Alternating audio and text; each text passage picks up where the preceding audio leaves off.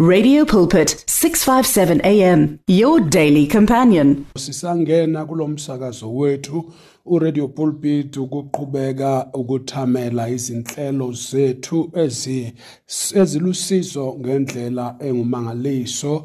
Ngiyakubingelela ke egameni lenkosi yethu Jesu. Kungenzeka usekhaya kungenzeka uselolini kungenzeka uphakathi kwemoto kungenzeka kukhona la ukhona khona kodwa unendlela yokusifinyelela siyakwamukela kulolu hlelo lwethu. Umfundisi umkwena esadingithi isihloko esithi rekindling your lost love in your marriage.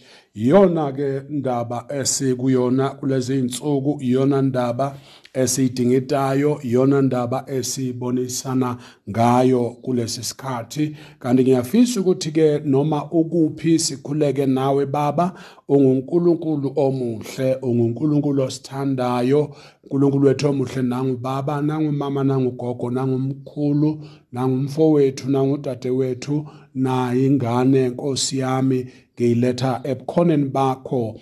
Ngaba isimo sokugula ngaba isimo somshado ngaba isimo sezimali moya ongcwele sithembe wena. Ngaba isimo sokuthi ayikho impilo kahle. As we trust and believe that all things work together for good to them that loves you father we release the grace of healing. We release the grace of deliverance. We release the grace uNkulunkulu onamandla to touch and minister to their situation to their circumstances. We believe ukuthi okungenzeke babe bantwini kuwe kuyenzeka. Therefore it is happening right now as we release the grace in Jesus mighty name. Amen. Okubalekile ukukholwa. Akukho webangcwele okudlula ukukholwa. Kanti ke i-proof text yethu itholakala encwadini yabasekorinte bokuqala isahluko sika-13 ivesi yilo elesishiyagalombili kanye neleshumi nantathu sinovesi 8 laphaya sinovesi 13 as our verses as we are continuing with our topic rekindling the lost love in your marriage. Kanti ke sigcinile ngiyathanda ukuthi nje siphinde sibuyekeze lokho esikufundile lithi izwi lenkosi laphaya encwadini eh yabasekorinte u13 uverse 8 love never stops loving. It extends beyond the gift of prophecy which eventually fades away. It is more enduring than tongues which will one day fall silent. Love remains long after words of knowledge are forgotten. And in verse 13 it says, Until then, there are three things that remains faith, hope, and love. Yet love surpasses them all. So above all else, let love be the beautiful prize for which you run. Oh my God. Siyabonga to actually get those words ngesizulu ithi uthando alusoze lwaphela kepha nokuba kukhona ukuprofetha kuyawukhawuka. Nokuba kuyizilimi ziyawunqamuka. Nokuba kungulwazi kuyawukhawuka. Athi u13 wakhona manje ke kumi ukukholwa nokwethemba nothando. Lokho kokuthathu kepha okukhulu kulokho luthando.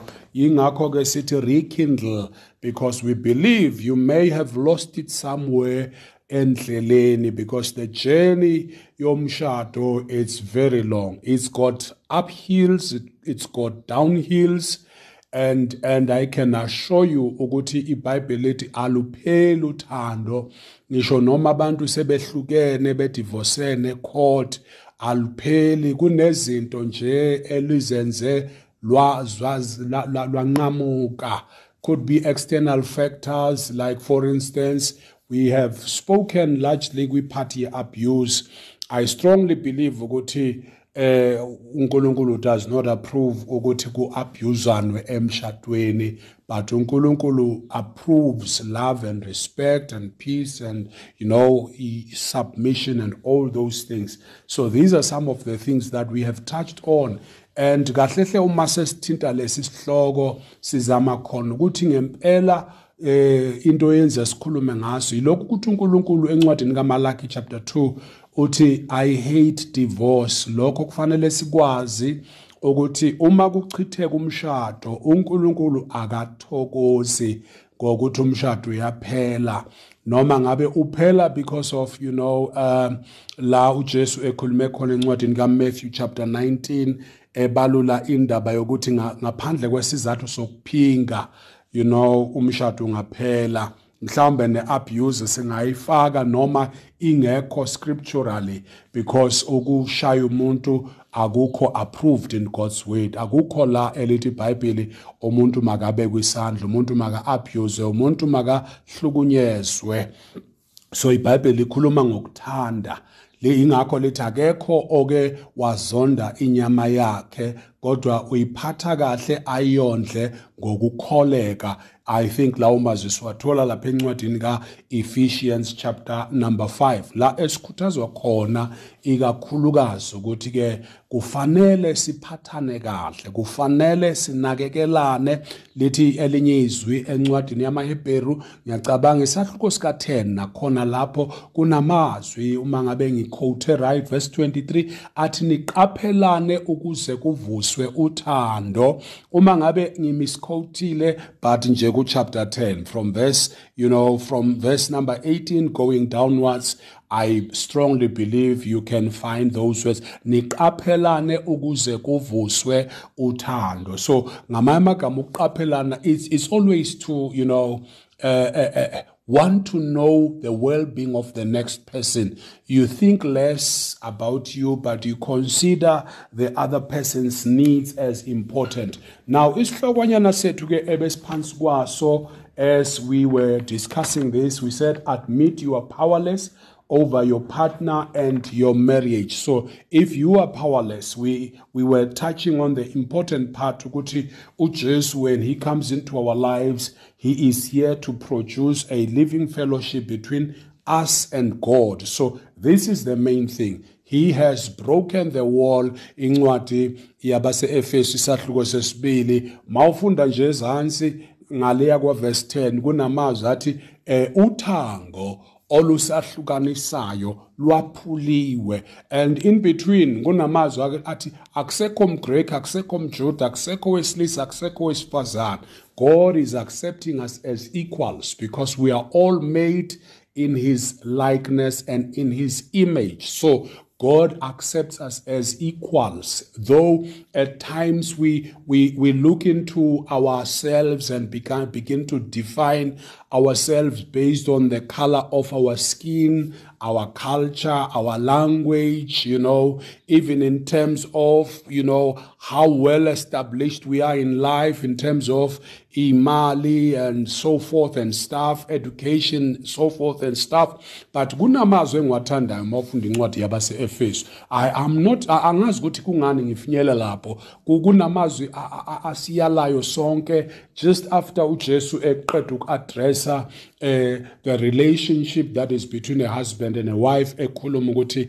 le mfihlakalo inkulu iphakathi kwebandla noKristu. And he goes on to chapter number 6 verse 1 and he addresses how parents should relate with their children and how children should also relate to their children. But now, coming after the addressing of the children, he goes on to address the work situation, how the bosses must relate to their servants, and how servants should also relate. And and kunamazwi lapho amakhulu kakhulu athi as much as they are poor, know that Christ also died for them just as he did for you. So, in other words, uNkulunkulu akabi nenye indlela to view us he accepts us as equal so ingakho lapha likhuluma ngokuphathana okuhle ukuthi the bosses should relate very well with their servants as well as the servants are relating very well to to their bosses so konke lokhu webangcwele sikuveza nje in passing eh sicizelela siveza ukubaluleka kwalento esishoyo ukuthi uKristu weza kuzohlala empilweni yethu uma engena esebenze kithi ukudala noma ukuveza ukubaluleka kobudlelwane. Okufanele bume phakathi kwethu noNkulunkulu. Incwadi yabase yakaTimotheo eh uchapter 2 1 Timothy chapter 2 verse 5 lithi munye umlamleli phakathi komuntu noNkulunkulu umuntu uKristu Jesu. Lithi yena owazinikela ukuba abe inhlawulo yethu. So sibonga uNkulunkulu ke ukuthi ngenxa kaKristu we have seen our sin being paid for. So he has paid our dues and he's here to ensure that that relationship which was lost in the garden of Eden it is restored again. So siyambonga uNkulunkulu ukuthi ke this is where we start. We said yield yield completely and focus on God because you have failed as a person and therefore this calls for you to actually say ngiyekelela konke kuwe Nkosi uthatha indawo ungisize ngibuke kuwe Nkosi ngingabuki noma ngibheke kwezinye indawo kodwa ngibheke njengalokho izwi lakho lingiyalile ukuthi sigijime kulokhu kubekezela sibhekile kuJesu Kristu. Ewumqalisi nomphelelisi weimpilo zethu. So we are saying of course his work also affects the relationship we have with others around us. You know ukonke uKristu akwenzile esiphambanweni kuyayithinta kakhulu impilo yethu. And not only kuyithinte but it also transforms you know. When we we we look at him we we are transformed and when we are transformed, what happens vertically also happens horizontally. Uma ngisho kanje ngizama ukuthi ke uh, on the up level, on the up scale, uma ubuka phezulu, ubungane bakho noma ubudlelwane bakho kusuka phezulu kuNkulunkulu ukuza kuwe buphinde futhi buxhume ebantwini ophila kanye nabo it does affect them So this means that it can not only affect you and not affect the next person. Ayikwazi ukuthinta wena ingamthinti oseduze nawe ngoba uma uqala ubuyela kuNkulunkulu ithinta wena isize wena ishintshe wena uma ishintsha wena iphinde isize wena ukuthi manje uphila kanjani nomakhelwane wakho. Ingakho eh encwadini ka Luke chapter 10 uJesu uye wakhuluma ngomsamaria olungileyo. What he was actually trying to show there ukuthi the importance of what God has done to you must really affect fanele imthinte omunye umuntu. You look at the two the two first guys ukuthi when they looked at the person who was deeply hurt and and about to lose his life because he has bled so much uluze igazi ulimele ulele phansi igcwele gcwele zimshayile zamhlubula zamshiya umndondo. They left him half dead. So uma befika lithi iBhayibheli they avoided him. Why? Because the missing ingredient it's found in the both of them. Ukuthi though bangabantu abakholwayo kodwa there's something that is lacking in them which is love. Kusho ukuthi banalo uthando lukaNkuluNkulu kodwa banalo uthando lomuntu. And mawufunda iBhayibheli encwadini kaFirst John eh uthi ukugcizelelwa nje okuningi okushiwoyo kakhulukazi ku chapter 4 kunamazwi athi ungamthanda kanjani uNkulunkulu? Ungamthandi umakhelwane wakho. Lithi uma uNkulunkulu ungambonanga eh ungamthanda kanjani umuntu eh, ungamthanda kanjani uNkulunkulu ungam ungambonanga uma uhlulwa ukuthanda umakhelwane wakho. So in other words kubalulekile how you relate with people before you can say God God God God. Kaningi ningi siyavama ukuthi hey ngiyamthanda uNkulunkulu kodwa look at the value esinayo nabantu inzondo yethu towards others the hostility that we show towards others. Just because wakuhleba just because walwa nawe just because wakuphatha kabi just because you know uyisitha sakho just because wakushiya kabuhlungu just because waboleka imali wangakukhokhela. Look at the hostility that you have towards those people. And look at what the bible is actually emphasizing mawufunda incwadi kaMatthew chapter 5 i've been so much into the books. And look at what is is is, is being said there ukuthi uma izitha zenu zikhona zikhulekeleni eh, eh kuqala lapha kuverse 10 athi nibusisiwe nxa benizingela nibusisiwe nxa benithuka ngenxa yegama lami nibusisiwe nxa nibulawa benihudulele inkundleni njalo njalo. But phansi lapha ko verse 44 uthi nizikhulekele izitha zenu. Uthi uthi eh, uthi nikhulekele njengalokhu eh, eh, uNkulunkulu ethanda wonke umuntu. Because it first shows ukuthi uNkulunkulu unisa imvula yakhe eh, ku chapter 6 phezu kwababi nabalungileyo. But in chapter 5 verse number 44 let's let's quickly look into it. Ngingayi misquote because sometimes we we we, we tend to misquote or you know paraphrase it wrongly. So ngifisa ukuthi ngihambe exactly where the bible is actually telling us eh ukuthi kufanele senze njani in terms of the relationship. Listen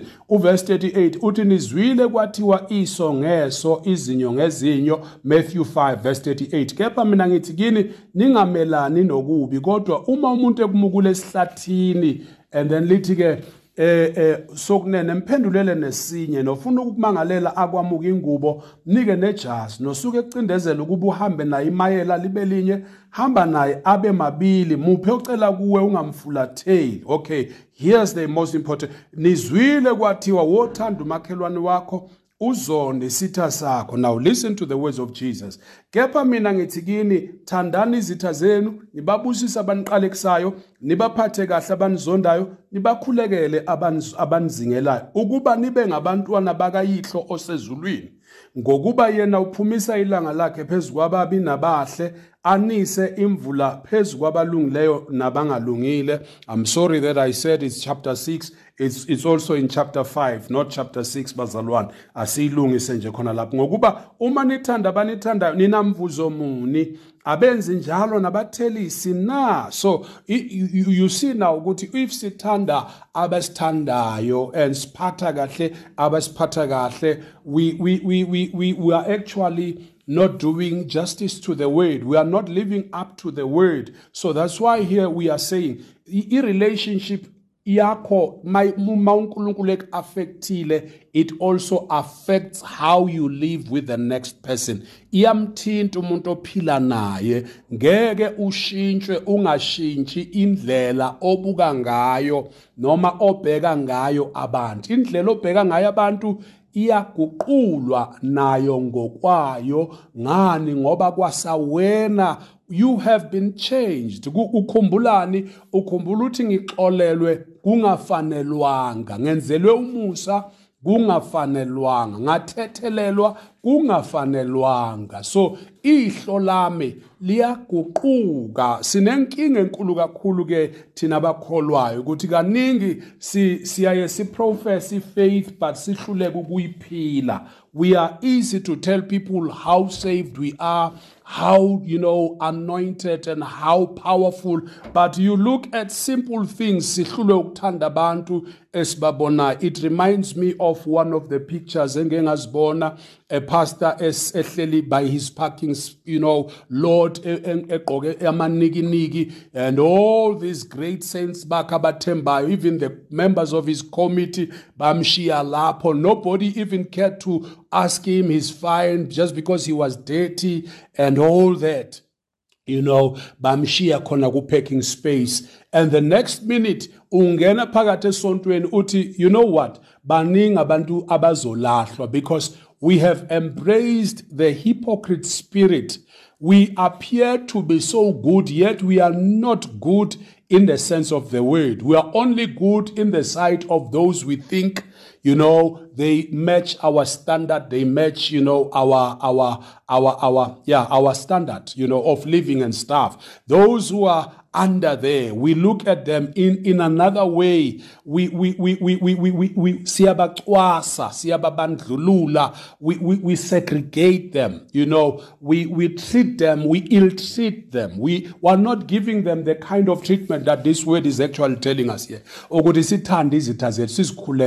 So the biggest question is, Uh, do we really love our enemies in the way and in the manner that God would want for each one of us to do? Or when it comes to this, we only say, He's not my type. Oh my God, that word always appears especially kule insuku when you speak people say he's not my type he's not my class. Yes. And, and sometimes because a person is not your class is not your type and then you you you you, you know ushiya lezi zinto ezincane okuyizo. Kunamanye amazwi asencwadini ka ka ka i think incwadi songs of songs athi niqaphele izimpungushe ezincane ziyasidla isivande zisiqede. So it, it it goes to saying that zona lezi zinto ezincane esizidelelayo zona le zinto ezincane esithi azinamsebenzi baningi abethu iningi lethu liyosala ngaphandle ngenxa yezinto ezincane esingazange sayithatha sayi-applya because we felt that this is insignificant and too, you know, very less important to can actually focus on that. I don't have time for that. So all I'm, I'm actually saying here, I'm appealing to all of us, Guti, let's go through the process of introspecting us because iBhayibheli lithi angeke sithi sesiaffectiwe uJesu anga-affecti how we live with the next person. It's important. asime lapha bazalwane siqhubeke in the next program uNkulunkulu womusa asibusise Amen. The words of the Lord are words of life. Your heart is on 657 AM. Radio Pulpit understands that praying alone isn't always easy. So join us to form a chain of prayer for you and with you. To send in prayer requests, contact 067 429 7564 or alternatively email us on prayer at radiopulpit.co.za. In today's rush world, there is limited time for yourself. Your cell phone, however, is with you all the time. So why not use it? Visit our Radio Pulpit website with your cell phone and restore your soul. There you can find out more about Radio Pulpit. Download the Bible to your cell phone, read Word for Today, and you can listen to us online. Just visit www.radiopulpit.co.za. Especially developed for your cell phone. Radio Pulpit, your daily companion. You and 657 AM and life. A winning team on the road to eternity.